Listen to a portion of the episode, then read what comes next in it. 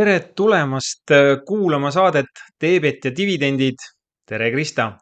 tere. Nonii, nüüd ma kõlan nagu üks tõeline totaalne finantsnohik, kui ma ütlen, et meil on täna äärmiselt põnev äh, teema ees. aga mis siis ikka nii on, täna räägime dividendide tulumaksustamisest ja enne veel, kui lähme selle põhiteema juurde, siis äh, saan aru, et sa käisid ühel ühel suurel ja huvitaval üritusel ja, ja jagad meiega natukene oma mõtteid ja tähelepanekuid, millega tegu oli ja, ja mis tarkust sa seal said? PwC konverents, raamatupidamine ja maksud, ma olen seal, ma, ma arvan, see on ainuke konverents, kus ma olen käinud vist selle aegade algusest peale, kümme, kümme pluss aastat kindlasti. Eh, oli noh, hästi-hästi-hästi kvaliteetne, ta keskendub küll suurematele ettevõtetele, aga nad käivad nagu kõik, kõik teemad läbi mis oli hästi huvitav, maksuamet on hakanud tegelema tõsiselt siirdehindadega. meil on päris palju ettevõtteid, kellel on kas ema või tütar välismaal ja siis nad teevad neid arveid teenuste või kaupade eest ja ja noh, neid ja, ja kuida, kuidas sa seda hinnastad, noh, see on, see on nagu üüberkaootiline. aga tegelikult seal on päris ranged reeglid ja Maksuamet on seda kontrollima hakanud. Eh, pangalaenud, kellel on pangalaenud? Äh, kontrollige pangalaenu kovenandid üle. kui sul on ettevõttel, ettevõttel võetud pangalaen, siis on seal pangalaenu lepingus raudselt punkt sees, et sa kohustud tagama mingit käibekapitali taset, EBITDA taset, mida iganes. Äh, ja kui sa, kui sul see lõhki läheb, praegu ei ole see majandusseis väga hea, ettevõtete majandus olukord, majandusnumbrid on ähm, kehvemad, kui nad tavaliselt on olnud ja kui sul need kovenandid lõhki lähevad, siis sul, ähm, siis on pangal õigus see laen ennetähtaegselt tagasi kutsuda ja raamatupidaja peab panema selle kogu ulatuses lühiajaliseks. kui see tundub, et sa, see võib teema olla, mine käi detsembris ja räägi pangaga läbi. selleks, selleks, et aastaaruandlus oleks sul ilusti pikaajaline peab olema see panga aktsept kiri olema detsembri kuupäevaga. vot see okay,, seda, seda veel ei tegeta.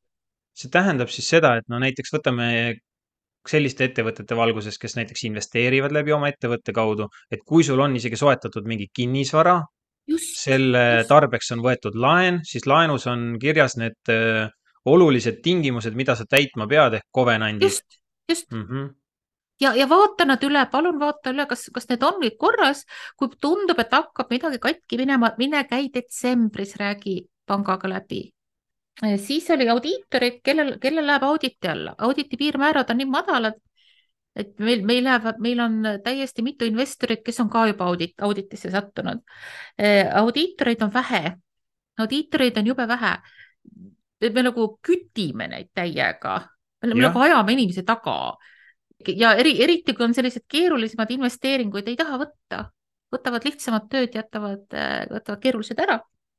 audiitor kogu esimehega rääkisin, ütleb, et ähm, ministeerium on nõus äh, tõstma audi-, auditeerimise piirmäärasid, aga alates äh, kahekümne neljanda aasta aruandest ehk mm. see nüüd tulev aasta koos kahekümne kolmanda aasta auditeerimisega tuleb kuidagi üle elada mis need auditeerimise piirmäärad on, need on nii bilansimahule kui käibele või? ja, ja, oot ma kohe ütlen. et jah, bilansimaht kaks koma neli miljonit, sellega lähevad, sellega lähevad investorid. Käi-, on käive, on töötajad, aga noh, need, need on, need, nendega reeglina ei lähe, et, et just mm, -hmm. just need äh, vara, varade mahuga lähevad mm. -hmm. ja kaks koma neli ei ole mingisugune väga ulmeline number mm. -hmm. eriti, kui sul on, äh, ongi mingisugust kinnisvara seal ka, mis on ju, brutoportfell on kohe just, väga suur, on ju, laen on just. peal ja, jah. oli veel midagi, mis, äh, mis sulle kuidagi silma-kõrva jäi?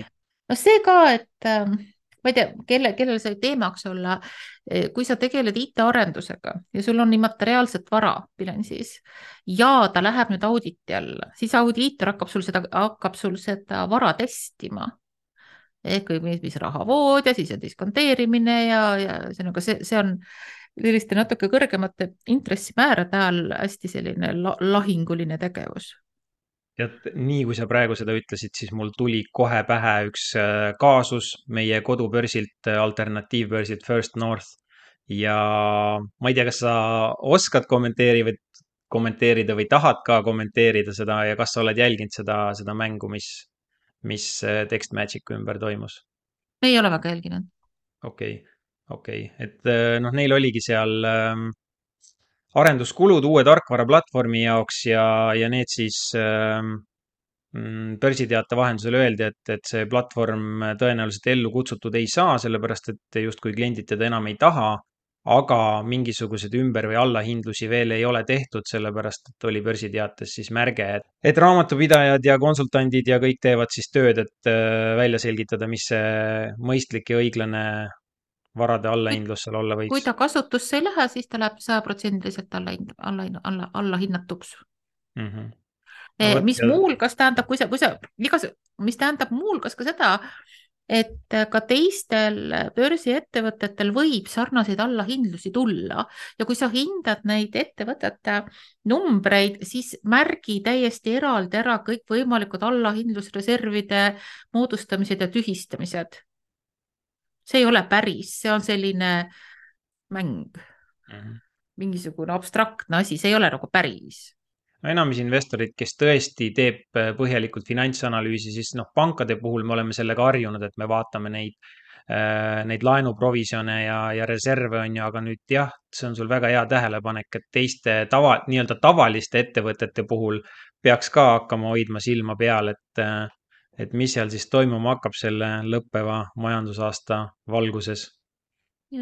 kuule, aga väga tore, aga räägime siis põhiteemana täna dividendide tulumaksustamisest ja võib-olla alustuseks ongi hea kohe ära öelda seda, et, et tavaliselt kipub siis olema nii, et, et kui investor on soetanud mingit aktsiat, see ettevõte maksab dividende, siis enamasti see dividendide tulumaks peetakse kinni selle ettevõtte asukohariigis või registreerimisriigis.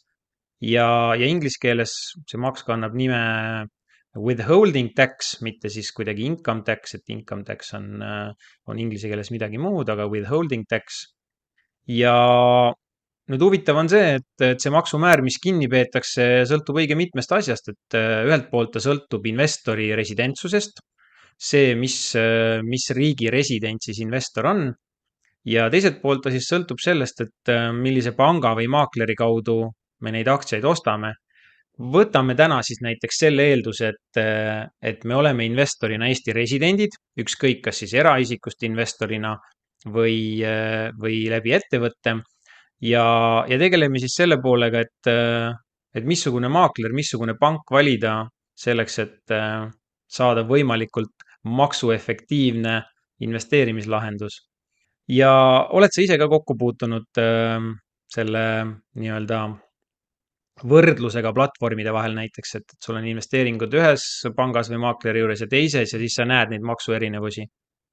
Mm, on, on, on, on ja see noh, ja mida raamatupidaja teeb, ta nokib välja need kinni peetud tulumaksud, deklareerib Maksuametile ära TST lisa seitsmes erinevates kohtades ja siis ta jääb sulle end, sinu ettevõtte tulumaksu ettemakseks ja kui sa seda ei tee, siis see raha on sulle reaalselt kadunud. mul on olnud paar juhust, kus äh, see tulumaks, see deklareeritud tulumaks kliendil on olnud suurem kui meile makstud aasta, kogu selle aasta äh, raamatupidamise ja äh, aastaaruande tasu mm. -hmm. see koguneb, koguneb, koguneb täitsa, täitsa nobedalt.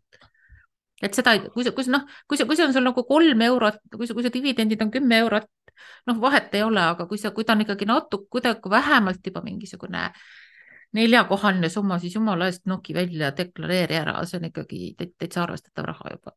ehk siis eh, need, kes ettevõtte kaudu investeerivad, DST lisa seitse. Ähm, küsimus kohe praktiline, et ähm, need vormid on iga kalendrikuu kohta. kas ma võin nüüd täna detsembris näiteks tagantjärgi jaanuar kuni november ära täita või ma pean seda tegema iga kuu või peab raamatupidaja tegema seda iga kuu? Ei pea iga kuu tegema, ei pea iga kuu tegema. see ei tekita maksukohustust ja investeerimisettevõtetel reeglina seal DST-s midagi niikuinii ei ole. ja kui see no, ongi niisugune puhtalt investeerimisettevõte, võtad need DST-d, teed, teed nad järjest ära. ja kui seal on väike summa, siis ma olen ka kokku liitnud ja pannud lihtsalt detsembrisse. et iga, iga, iga, igat eurot eraldi deklareerima pole hakanud. sest ta ei, ta ei tekita maksukohustust, ta on nagu maksu ettemaksu deklareerimine aga samas, kui meil on seal need valuutakursid mängus, on ju, et siis äh, siis noh, ei ole ju korrektne teha nii, et ma võtan jaanuari ja juuli dividendid kuidagi dollari omad kokku ja deklareerin nad detsembris ühe sõltub sum- rea. sõltub summast, kui sul kokku on kolmkümmend dollarit, seda, seda, neid, seda tulumaksu, noh.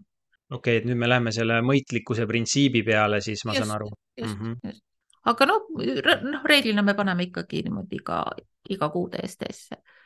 Teine praktiline küsimus, mis mul endal tekkis, et ma olen agaralt ühe oma ettevõtte puhul kenasti neid DST lisasid täitnud ja nüüd, kui ma maksin sealt dividende, siis äh, ei arvestatud mulle seda justkui seda krediidimeetodit, et mina maksin neid tulumaksu täie rauaga ja, ja kas sa tead, et kas seal on mingi linnuke, kus peab kusagile midagi panema ja ütlema, et kasuta seda, seda krediidimeetodi alusel kogunenud äh, summat või mitte?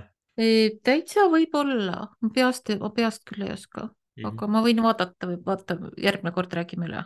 jah, no ühesõnaga me nüüd hüppasime tegelikult hoogsalt äh, sinna, et kui sa investeerid ettevõtte alt, siis ähm, kinni peetud tulumaks on võimalik ähm, deklareerida DST vormil lisa seitse ja, ja siis krediidimeetodit kasutades justkui vähendada oma tulevast äh, tulumaksukohustust. küll aga, millest me tegelikult täna tahtsime ka palju rääkida, on, on see, et äh, kui me valime endale seda maaklerit või panka, et kust kaudu me väärtpabereid ostame, siis äh, seal on väga suured erine-, erinevused nendes maksumäärades, mis rakenduvad. ja, ja alustame USA aktsiatest, et need on võib-olla enamus investorite jaoks siin, siin radaril ja, ja teadke siis kõik seda, et, ähm, et nendest Eesti pankadest, mm, mis meil pakuvad väärtpaberite ostmise-müümise teenust, siis ähm, LHV on selline, kus, kui me täidame ära maksuvormi kaks siis V kaheksa BEN, siis ähm, meilt peetakse kinni viisteist protsenti tulumaksu USA aktsiate puhul. nüüd Swedbank ei lase meil seda maksuvormi täita, SEB ei lase meil seda maksuvormi täita, mis tähendab, et nende puhul rakendub siis see standardne tavaline kolmkümmend protsenti USA dividendiaktsiate puhul. Luminori puhul on võimalik see, see maksuvorm täita, aga selleks tuleb nende käest osta Globe Tax nimeline tasuline teenus. kolm aastat maksab kolmkümmend viis dollarit, et äh, eks siis peate ise arvutama ja otsustama, et kas, kas mäng on küünlaid väärt või mitte. ja miks ta on oluline, on see, et Maksuamet võtab arvesse ainult maksulepinguga ette nähtud protsendi.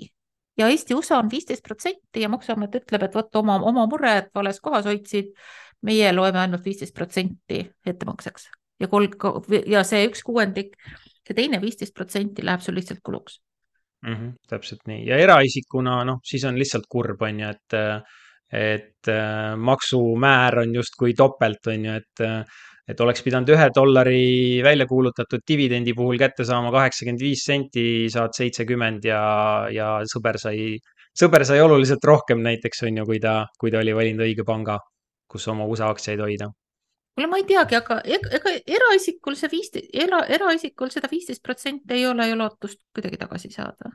ei ole, ei ole. tal on lihtsalt vahet, et kas viisteist, viisteist või kolmkümmend. jah, täpselt. aga ettevõte palju... saab viisteist protsenti tasaarveldada.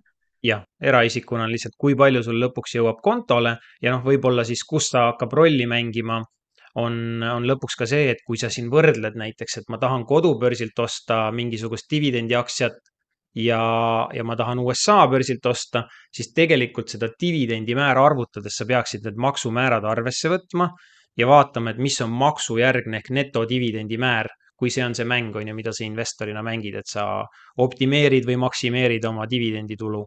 ja, ja vot sellisel juhul nagu eriti tasub siis tähele panna, et, et kui me räägime Eesti, Eestis tegutsevatest pankadest, siis kõige mugavam äh, lahendus on siin LHV maakleritest äh, nii Interactive Brokersil kui ka meie Eesti juurtega Lightyearil on kenasti see funktsionaalsus olemas, et äh, täidame kohe selle USA maksuvormi ära ja edaspidi automaatselt siis rakendub see, see viisteist protsenti madalam tulumaksumäär. ja see vormi täitmine vähemalt LHV-s oli küll väga lihtne, mingi näidis oli ees ja mingi näidis on ees jah, ja, ja. ja. ise, ise ära... välja nupu, ise, ise neid liigitusi välja nuputada on ikka Hiina piin, aga tõsi, tõsi jah.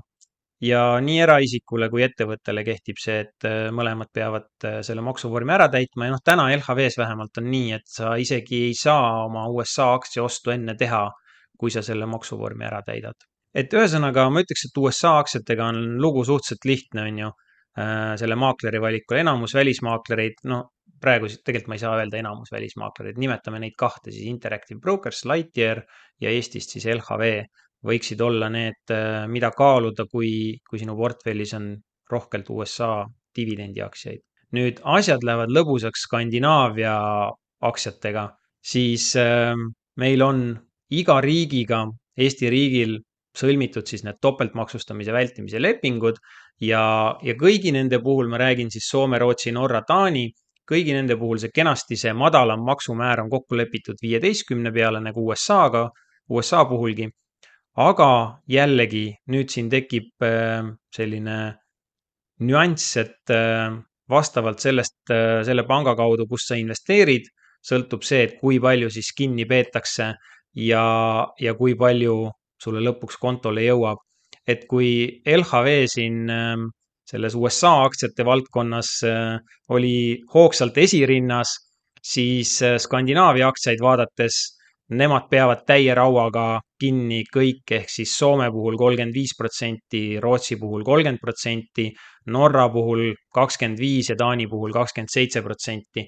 ja kui sa nüüd tahad saada seda enam makstud tulumaksu tagasi, siis, ähm, siis ole lahke, sa võid äh, täita ära selle maksuvormi ise, kas Soome või Rootsi maksuameti kodulehekülje peal, enne seda võtta maksuametilt residentsustõendi, siis võtta kusagilt pangast, näiteks siis LHV-st selle tõendi, kui palju sulle dividendi on laekunud.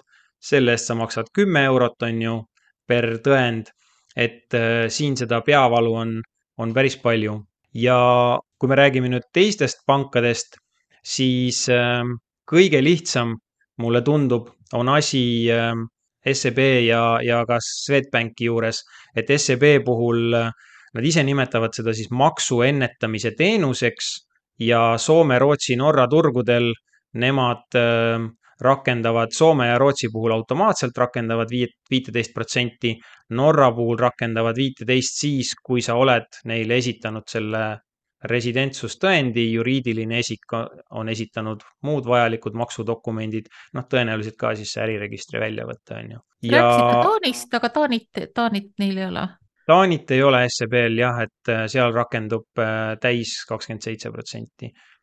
ja, ja Swedi puhul on siis äh, lugu selline, et, et ainult Rootsi puhul sa ei pea ise mitte midagi tegema ja rakendub see viisteist protsenti ja kui me räägime Soomest ja Norrast, siis seal tuleb jälle esitada see maksuresidentsuse tõend, aga seejärel siis rakendub ühe aasta jooksul see madalam maksumäär viisteist protsenti nii Norra kui Soome aktsiatele. ja noh, üks põnev nüanss on siin veel, on ju, põnev või siis keeruline või ma ei tea, kuidas iganes me seda nimetame. teadupärast saab ettevõtteid või aktsiaid äh, soetada mitmelt eri börsilt sageli on kodubörs ja siis on ta alternatiivina või täiendavalt noteeritud veel mingisuguse börsi juures või börsi peal. ja kogu see trall, mida me siin nüüd just kirjeldasime, ehk see madalamate maksumäärade võimaldamine ja kättesaamine, see kehtib ainult siis, kui sa ostad Soome ettevõtet ehk Soome aktsiat Helsingi börsilt. sa ostad Rootsi ettevõtet Stockholmi börsilt et noh, näiteks äh, hea näide ongi siin Nordea Bank äh, või Nordea Pank, mida saab osta nii, nii Stockholmi kui, kui Helsingi börsilt, on ju, et, et siin tuleb siis väga hoolikalt tähele panna, et mis riigi ettevõttega on tegu ja tõesti osta teda siis oma sellelt kodubörsilt või põhibörsilt. Swed, SEB, LHV said läbi käidud, äh, Luminori puhul ähm, kui meil oleks nüüd äh, podcast'i videoversioon, siis see, mis ma ütlen, tõenäoliselt tõstaks su kulmud kohe kõrgemale, vaatajad-kuulajad ka näeks, aga Luminor peab Soome dividendimaksetest kinni viiskümmend protsenti väidetavalt. Vau, kuidas ta? Vau, täpselt. ja, ja ma ei tea, miks, ma küsisin seda ja sain siis äh, e-kirja teel selle vastuse. Äh, Rootsi ja Norra puhul peetakse kinni kolmkümmend mis jällegi on huvitav, sellepärast justkui Norra puhul see maksumäär peaks olema kakskümmend viis, kõrgem maksumäär. et, ähm, et noh, siin võibki mängu tulla see, et iga pank kasutab oma tehingute vahendamiseks erinevat mingisugust ketti, on ju, et lõppkokkuvõttes võib-olla mingisuguseid tehinguid tehakse läbi Saksamaa või Iirimaa või Suurbritannia või USA pankade ja siis kogu see maksumajandus muutub nii palju, et need rakenduvad maksumäärad dividendimaksetele liiguvadki väga ühest seinast teise. Vot sellised, sellised lood nende dividendide tulumaksuga, et kellel nüüd silme eest lõi kirjuks või, või ei jõudnud omale ilusat tabelit vormistada selle kuuldu põhjal, siis, siis panin Maaginvesti kodulehekülje peale sinna blogisse kenasti tabeli ka ja õige pea postitan dividendinvestori Instagrami ka selle koondtabeli meie oma kodumaiste pankade ja Skandinaavia dividendimaksete tulumaksu osas siis et. ja ta on, äh, ta on pankade kodulehtedel nii hoolega ära peidetud, see on nii hoolega ja. ära peidetud, selle välja, välja nuhkimine on ikka tõsine ettevõtmine. ja täpselt, et äh, ma leidsin äh, avalikult, ma leidsingi ainult Swed ja LHV ja SEB-st ja Luminorist ma küsisin välismaistest pankadest me väga ei rääkinud siin Skandinaavia aktsiate valguses, peamiselt sellepärast, et äh, et Lightyeari platvormil ei ole väga palju Skandinaavia aktsiaid ja kui on, siis nad ei ole kodubörsi versioonid, vaid on mingid dollari versioonid, on ju, kauplevad USA-s. ja Interactive Brokersi platvormil ka nagu põhimõtteliselt, ma ei tea, kas saab öelda, et pooli Skandinaavia aktsiaid ei ole, noh, Soomet kindlasti ei ole, on ju, et aga, aga kui mu mälu mind ei peta, siis, siis Rootsi aktsiate puhul rakendus seal ka see, see kõrgem maksumäär. ehk siis esmapilgul võib tunduda, et ma tahan investeerida dividendi aktsiat, aktsiatesse, teen konto ühte kohta, kus on kõige odavam, on ju, või kõige mugavam. aga kui sa ikkagi tahad kuidagi maksuefektiivselt toimetada, siis, siis tasub meeles hoida, et kui me räägime, on ju, Balti turu aktsiatest, siis kulude mõttes LHV Swed, kus tehingutasusid ei rakendu. kui me räägime maksuefektiivsuse mõttes, siis Skandinaavia aktsiad ikkagi pigem Swed ja SEB ja, ja nõnda see jagunemine tekibki, on ju, et, et äh, ülejäänud suure osaga välisaktsiatest äh, on tihtipeale mõistlik kolidagi mõne maakleri juurde, kus on nii soodsad maksumäärad dividendidele kui ka soodsad tehingutasud. Ja Eesti dividendiaktsiatega on veel omaette ooper ju, mis on hästi huvitav, et ähm, äh, selle ähm, investeerimiskonto puhul loetakse ju Eesti dividendid äh, sissemakseks ehk sa saad nad maksuvabalt takkas, sa saad nad maksuvabalt endale kätte. ettevõttes sa ei saa. see on ka siis jälle praktiline nipp on ju, et äh, kui sa investeerid nii eraisikuna kui ettevõtte alt Eesti dividendi maksvatesse aktsiatesse, siis see portfell on mõistlik hoida eraisiku all ja investeerimiskonto süsteemis. paras kombinatoorika no, täielik kombinatoorika ja seda ei ole võimalik nagu lihtsalt lahti seletada, seda ei ole võimalik isegi lihtsalt kirja panna. et äh, see ongi selline mingi täielik maatriksis elamine, on ju, et neid mõõtmeid on lihtsalt nii palju. aga noh, selle jaoks meie siin olemegi, et nagu natukene teid, head äh, kuulajad, valgustada ja teil on alati võimalus panna pausile, kerida tagasi ja, ja joonistada oma toredad tabelid ja, ja graafikud ja välja töötada siis see super optimaalne lahendus iseenda jaoks. aga ma ütlen ka seda, et kui sa oled ikka täitsa alustaja ja su portfell on kolme-neljakohaline, siis üleliia ei, siis seda al alati saab ju täpsustada ja ja, ja tim, timmida, kui ta suuremaks kasvab, et noh, ma olen, ma olen seda ka näinud, kus tuleb, tuleb mõni investor oma aasta, oma ettevõttega ja siis on temal seal seitse erinevat platvormi ja igalühel on kakssada eurot.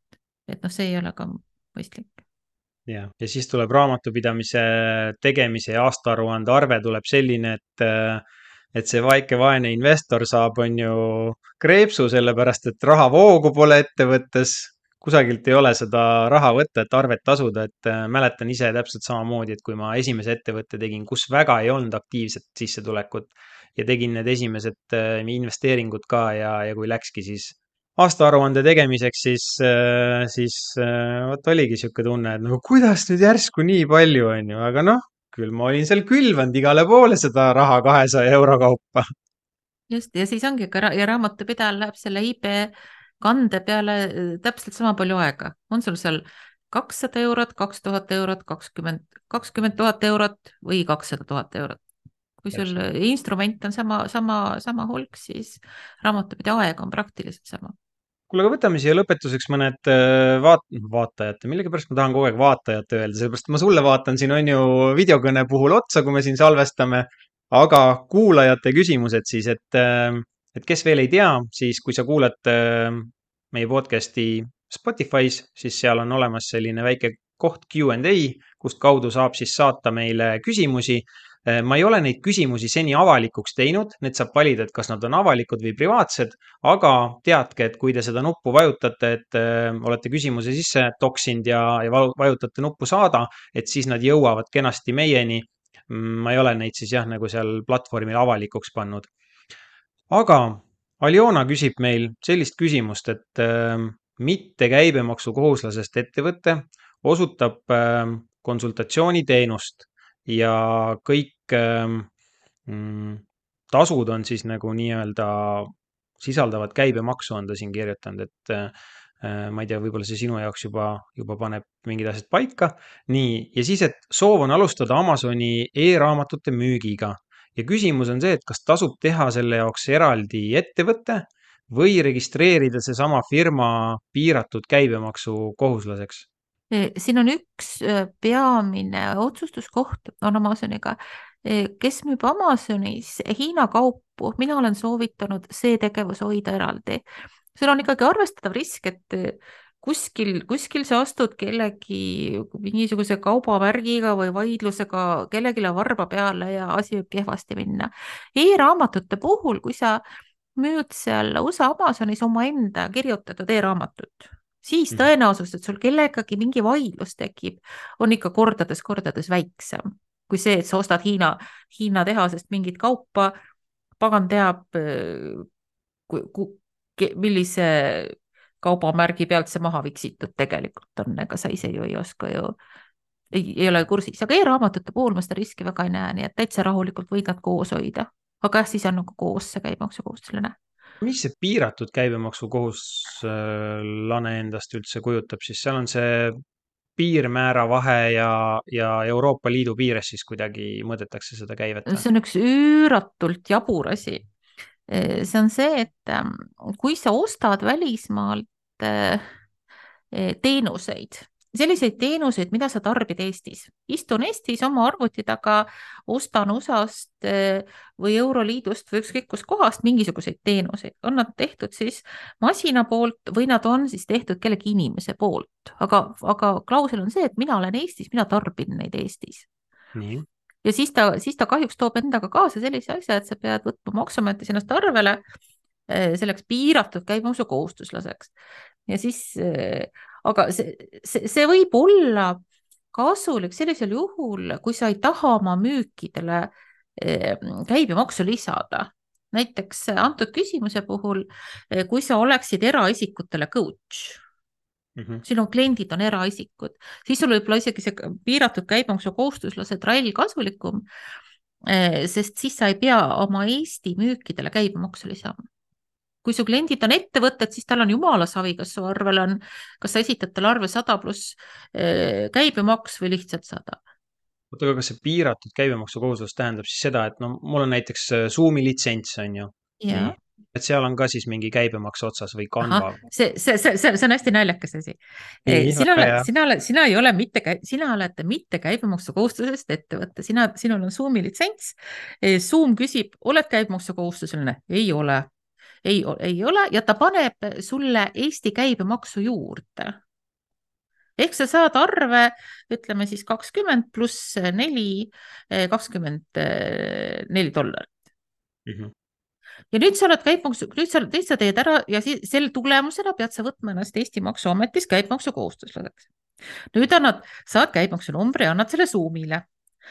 Zoom esitab sulle nüüd arve null käibemaksuga ehk kakskümmend dollarit ja sina deklareerid selle ostu Eesti käibema, Eesti Maksuametile ja maksad nüüd neli, neli eurot ise ära.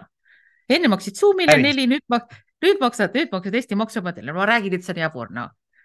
okei okay., see on nagu, see on nagu nii pointless asi, et no, no seal on kaks asja, üks on see, et äh, vähegi suuremad ettevõtted tõepoolest selle käibemaksu juba kin-, noh, kokku korjavad kõik need Google'id ja Facebookid ja noh, ilmselt Zoom ka onju. Aga umbes äh, äh, need tuhanded väikesed usakad ignoreerivad seda täiega. ehk Mhm. mingid, mingid arved oled sa ka eraisikuna või mitte käibemaksukohustuslasest ettevõtjana saanud ka ilma Euroliidu käibemaksuta, Mhm. kuigi nad peaks, peaks kõik olema käibemaksuga, aga terve pinu neid pisikesi seda ignoreerib ehk noh, nendelt saadakse sedakaudu seda käibemaksu natuke rohkem kätte. okei, mul on nii hea meel, et see praegu jutuks tuli täiesti suvalist teed pidi, sellepärast et põhikokkuvõte, mis ma siit endale tegin, kui ma ei kasutaks juba raamatupidamisbüroo teenuseid oma ettevõtte puhul, siis ma hakkaks seda iga kell tegema, sellepärast mul on neid subscription eid ja asju nii palju ja no seda, seda infot, see oli minu jaoks nagu täiesti uus, kuidas see gemüüse seal käib. no, no too, see, see väga, gemüüse on väga hea sõna, gemüüse on väga õige sõna. Okei okay., nii, aga huvitav, et kas me Aljona küsimusele vastasime ära, et äh, sa ütlesid, võib küll, võib küll, võib, võib teha ja kui ta on konsultatsioonifirma, siis ma eel, eeldame, et ta klientideks on ettevõtted. mm. -hmm. kui Aljona klientideks on eraisikud, siis võib, siis võib olla mõistlik neid eraldi hoida. Okay. sest era, kui sa, kui sa muutud käibemaksukohustuslaseks, siis noh, eraisiku jaoks sinu teenus läheb reaalselt kallimaks. siis äh, võtame ühe küsimuse veel mm,. Kristjan küsib meie käest, et äh, kuidas oleks kõige targem kanda raha ettevõttesse, kui liiga suure omaniku laenuga kaob ära mikroettevõtte staatus? väga hea küsimus. küll, küll, küll mul on hea meel, kelle, kellelgi on ometigi jäänud meelde, et see mikroettevõtja aruanne on üks lõpmata tore aruanne ja mis tingimusel see võimalus ära kaob. sul on, sul on põhimõtteliselt kaks varianti. üks on see, et sa kannadki, et sa suurendad natukene oma osakapitali ja ülejäänud raha paned üle kursina see on, see on hea lihtne, ei pea mingisuguseid pabereid määrima, noh, äriregistrisse peab avalduse tegema. seda on mõtet teha siis, kui sa, kui sul on hästi pikaajaline plaan. tahan, mul on investeerimisettevõte, kannan, kannan raha sisse ja ma tean, et ma lähemalt kümme aastat seda ei näpi. Ehk sul on nagu hästi pikaajaline raha, see on igal juhul mõtet, mõtet niimoodi omakapitali panna.